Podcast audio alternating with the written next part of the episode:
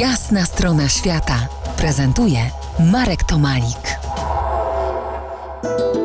Michał Korta w jasnej stronie świata, fotograf. Rozmawiamy o oswajaniu świata poprzez zdjęcia.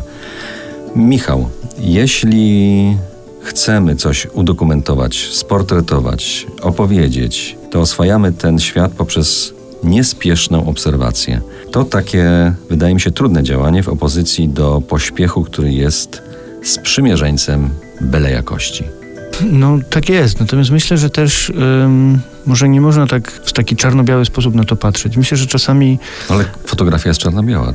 E, może bywa, być czarno-biała, nie musi być. Natomiast taka zero-jedynkowość, y, żeby nie mówić y, czern i biel, może niekoniecznie musi być racją, bo przecież narzucenie sobie jakichś jakiegoś tempa albo deadline'u też y, może być twórcze tak naprawdę. Są ludzie, którzy bez tego w ogóle nie potrafią tworzyć, więc... Ale z twojej fotografii prze, przebija, przebija taki spokój. Tak, I ja, ja tak i... odbieram to. I powiedz mi, zdrać, jak zwolnić, jak zatrzymać, jak wystopować potok zakłócających percepcję zdarzeń? No nie wiem, sam chciałbym wiedzieć. E, Ale ty to robisz, ja to widzę. Staram się jak mogę. Jakby myślę, że przede wszystkim dla mnie takim, takim sposobem na zwolnienie jest czytanie. Jakby dużo czytam i, i to pozwala mi po pierwsze nabrać dystansu do tego, co robię. E, bardzo dużo chodzę na spacery z psem. Mam takiego dużego psa, który potrzebuje sobie polatać. I, i to też mm, e, pozwala mi jakby wchodzić w świat myśli do, do swojej głowy. I, I, myślę, że to jest dla mnie, to jest mój sposób na, na spowolnienie tej rzeczywistości. Myślę, że każdy musi wypracować swój. Chyba szczególnie jest to ważne też przy fotografii portretowej, zwłaszcza w odmiennych kulturach, gdzie ludzie żyją inaczej, wielokrotnie spokojniej.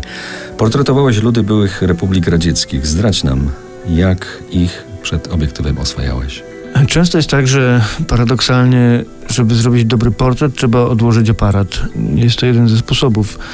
Myślę, że najpierw jest życie, a potem jest tworzenie, więc jakby trzeba z tymi ludźmi po prostu pobyć, porozmawiać i, i myślę, że jeżeli się ma otwarty umysł i nie ma uprzedzeń żadnych, to można zobaczyć tak naprawdę fantastyczne sytuacje i fantastyczne osobowości w każdym człowieku, w każdym miejscu i we wszystkim.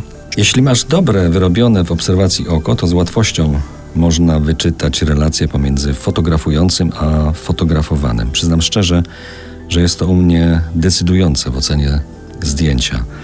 Moje oko kupuje te zdjęcia, gdzie ta relacja jest pozytywna. W dzisiejszym świecie wydaje mi się, że to nie jest aż takie oczywiste, bowiem bardzo znacząca część fotografów skupia się na kadrze, świetle, doskonałości technicznej niepsychologicznej fotografii. Za kilkanaście minut wrócimy do tematu. Zostańcie z nami w RMF Classic.